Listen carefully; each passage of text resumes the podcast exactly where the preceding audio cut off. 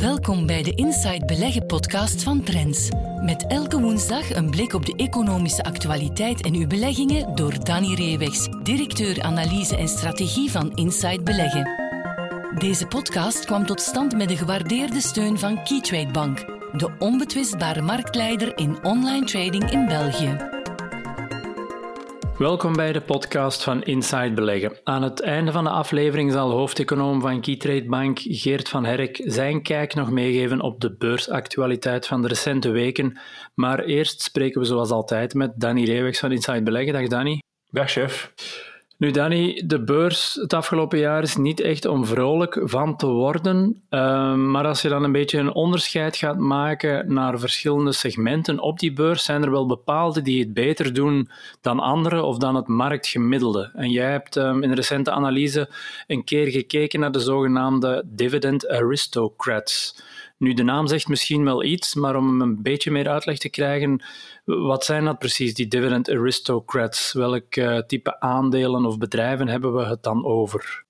Ja, dat is een prestigieuze categorie, mogen we zeggen, want om tot die categorie gelaten te worden binnen de S&P 500, dus de referentieindex van de Amerikaanse beurs, moet je minstens uh, eh, 25 jaar op rij, dus een kwart eeuw, het dividend elk jaar opnieuw hebben verhoogd. En dus dat is een heel strenge voorwaarde. Vandaar dat van de 500 uh, eh, aandelen die momenteel in de SP 500 zitten, dat er maar 64 uh, eh, tot die dividend aristocrats uh, zich mogen noemen. Natuurlijk gaat dat dan om meer klassieke bedrijven uit bijvoorbeeld de olie- en gasindustrie, uit de verzekeringssector, de duurzame consumptiegoederen, dus voeding en drank, nutsbedrijven, uh, dat soort bedrijven komen daarin aan bod. Wie er niet aan bod komt, zijn vooral de technologiebedrijven. Hè, dat verklaart ook uh, mee uh, die situatie, want die geven meestal geen dividend. En als ze al een dividend geven, zijn ze er nog maar de afgelopen jaren mee begonnen. Dus dat is een categorie die er niet of nauwelijks in vertegenwoordigd is. Ja, een crème de la crème van de winstuitkering, met andere woorden. Ja. En hoe deed hij het het afgelopen jaar in vergelijking met de bredere markt? Ja, een heel stuk beter, opmerkelijk beter.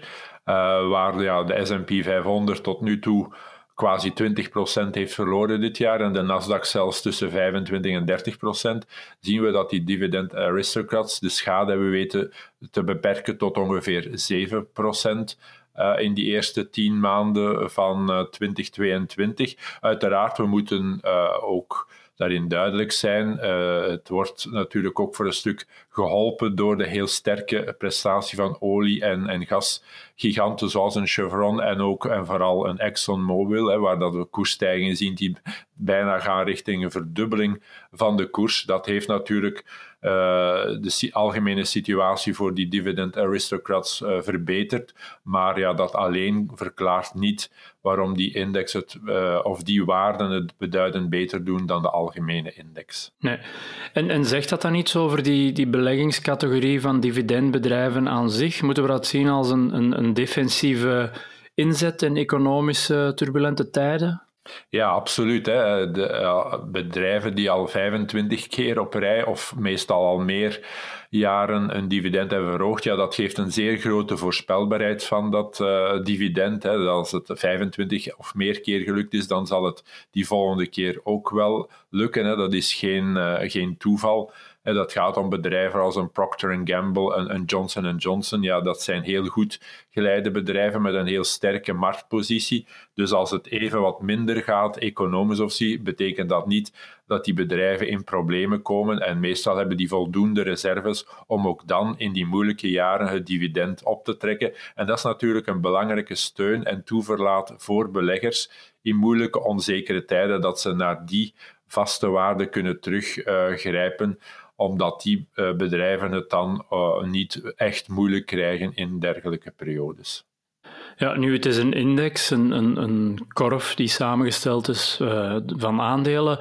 Zit daar, zit daar enig verloop in? Blijft die altijd hetzelfde? En, ja, hoe verhoudt dat verloop zich misschien ten opzichte van reguliere indexen?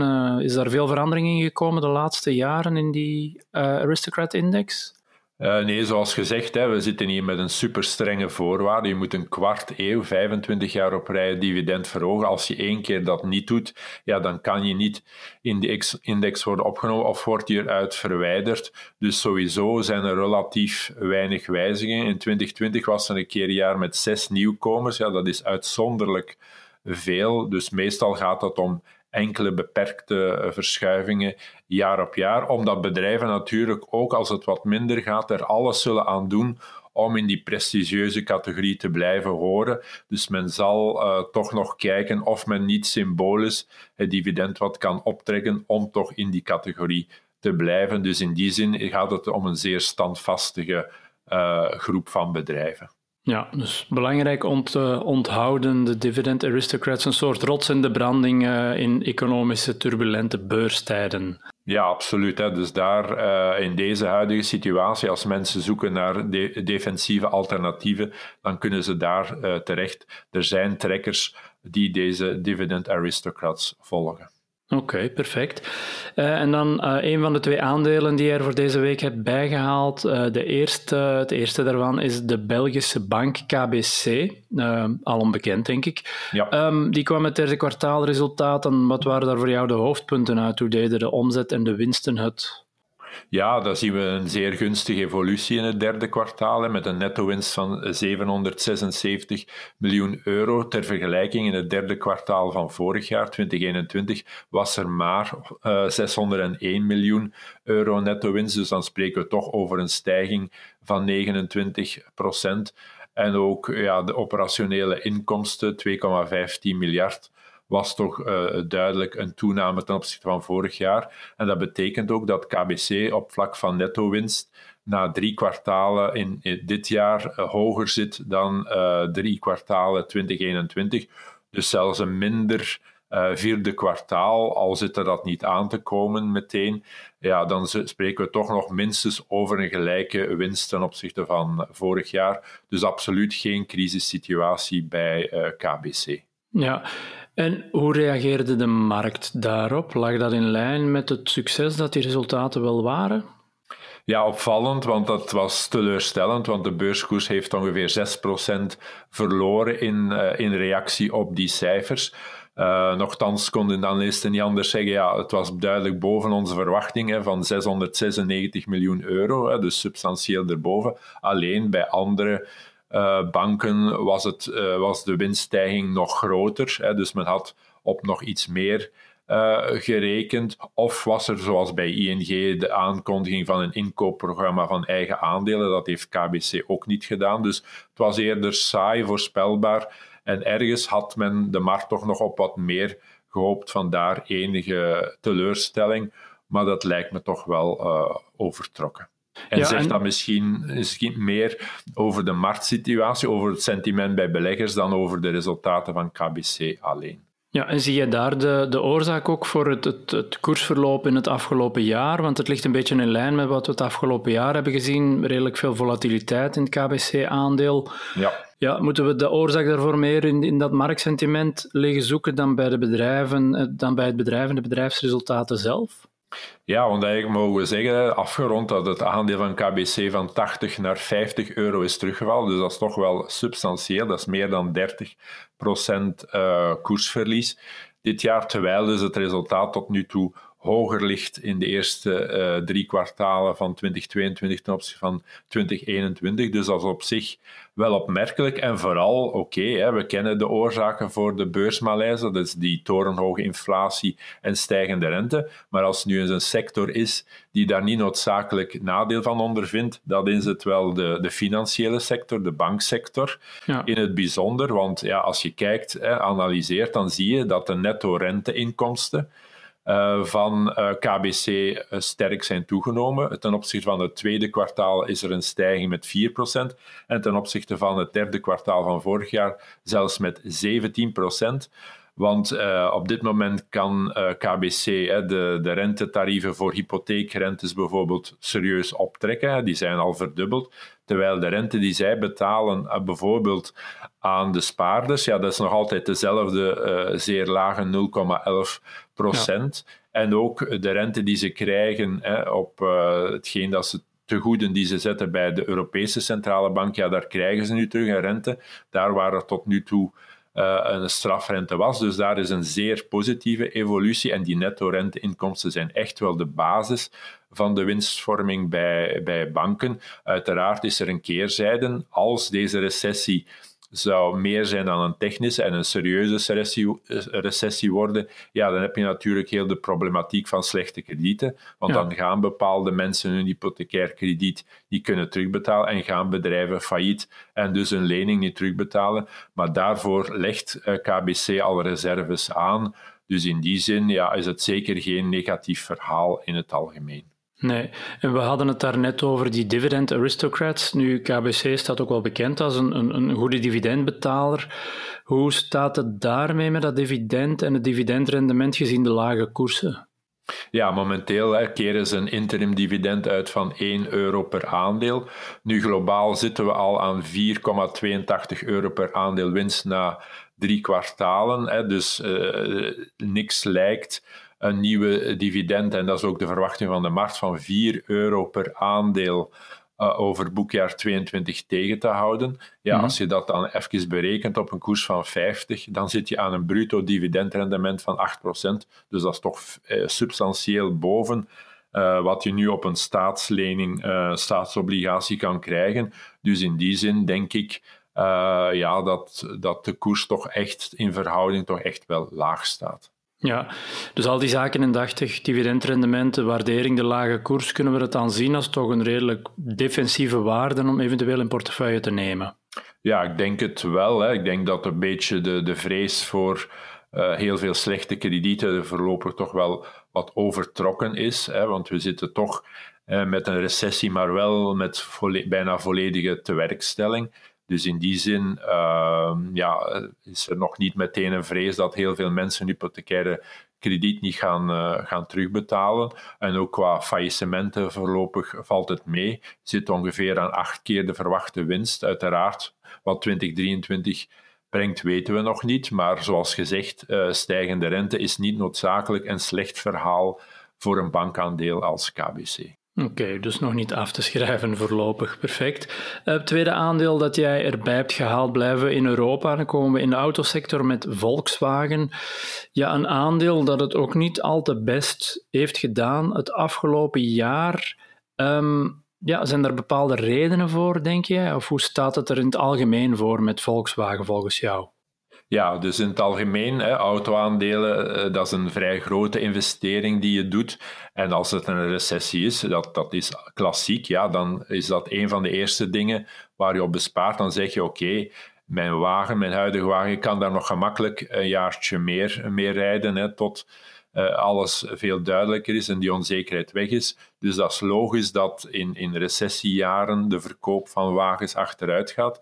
Alleen um, zie je natuurlijk ook heel de vergroening van het wagenpark bij de bedrijfswagens. En dat zijn dus in dit geval uh, vooral elektrische wagens of hybride wagens. En dat zijn wagens die gemiddeld uh, ja, een pak duurder zijn, tientallen procenten duurder zijn dan uh, de klassieke fossiele brandstoffenwagens. Ja. Ehm, en ja, dan zie je dat, oké, de verkopen wel achteruit gaan, maar dat niet noodzakelijk wil zeggen dat uh, de omzetcijfers daarom zakken. En een tweede element dan specifiek ook voor de Volkswagen groep, dat is een groep met een heel ruim aanbod, dus ook luxe wagens. Daarin zit Porsche, daarin zit Bentley, daarin zit Lamborghini. Ja, dat zijn nu eenmaal wel recessiebestendige uh, wagens, zal ik zeggen. Daar gaat de verkoop niet van achteruit in, in tijden van recessie. Net misschien een tegendeel. Hè. De, rijke mensen, de vermogende mensen, willen dan nog meer tonen dat ze zich wel een nieuwe wagen kunnen permitteren. En dat zie je ook in de cijfers. Er is absoluut geen sprake van een daling van de verkopen van, uh, van luxe wagens op dit moment.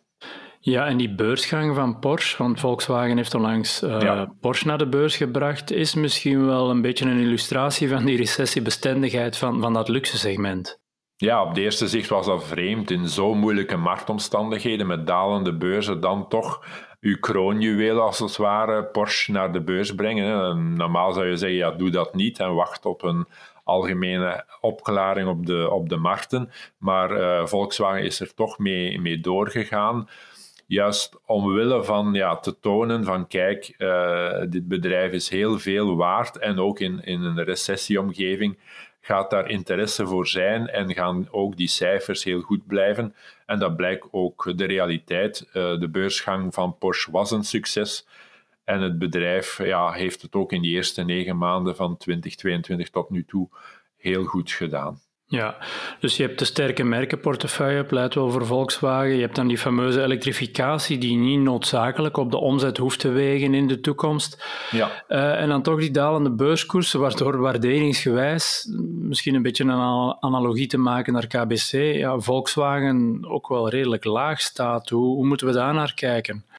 Ja, uh, Volkswagen is geen goedkoop aandeel. Nee, dat is een spotgoedkoop aandeel, want je zit hier met een verwachte koers-winstverhouding van, van 4 voor 2022. Dus dat eventueel, eventueel 2023 minder zal zijn, zit al verrekend. Maar aan de, andere, aan de ene kant een stuk van de problematiek in 2021 en 2022 was ja, dat, dat die componenten, die onderdelen, die chips, ja. uh, niet toekwamen. Ja, dat is natuurlijk door de vertraging van de economie aan het, aan het oplossen. Dus dat zal al minder een probleem zijn.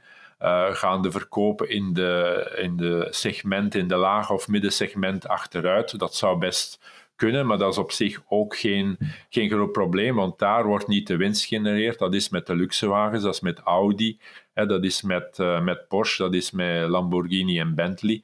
Daar moet het gaan gebeuren en ik denk niet meteen dat daar een grote daling in de verkoop uh, zit, uh, zit aan te komen. Dus zo negatief is het plaatje niet. En die elektrificatie bij de bedrijfswagens die gaat zich verder doorzetten. Ten slotte, in, de, uh, in het derde kwartaal was nog maar 6% van de verkochte wagens elektrische wagens. Dus daar zit nog heel veel ruimte voor stijging in 2023 en al de jaren nadien. Dus in die zin denk ik is het plaatje toch, is de markt toch wel heel negatief ten aanzien van het uh, Volkswagen-aandeel. Ja, dus ook bij Volkswagen, net als bij KBC. Meer het marktsentiment dat weegt dan, uh, dan de werkelijke bedrijfsrealiteit. Jij bent um, heel hard bedankt voor jouw tijd en inzichten daarover en graag tot de volgende keer.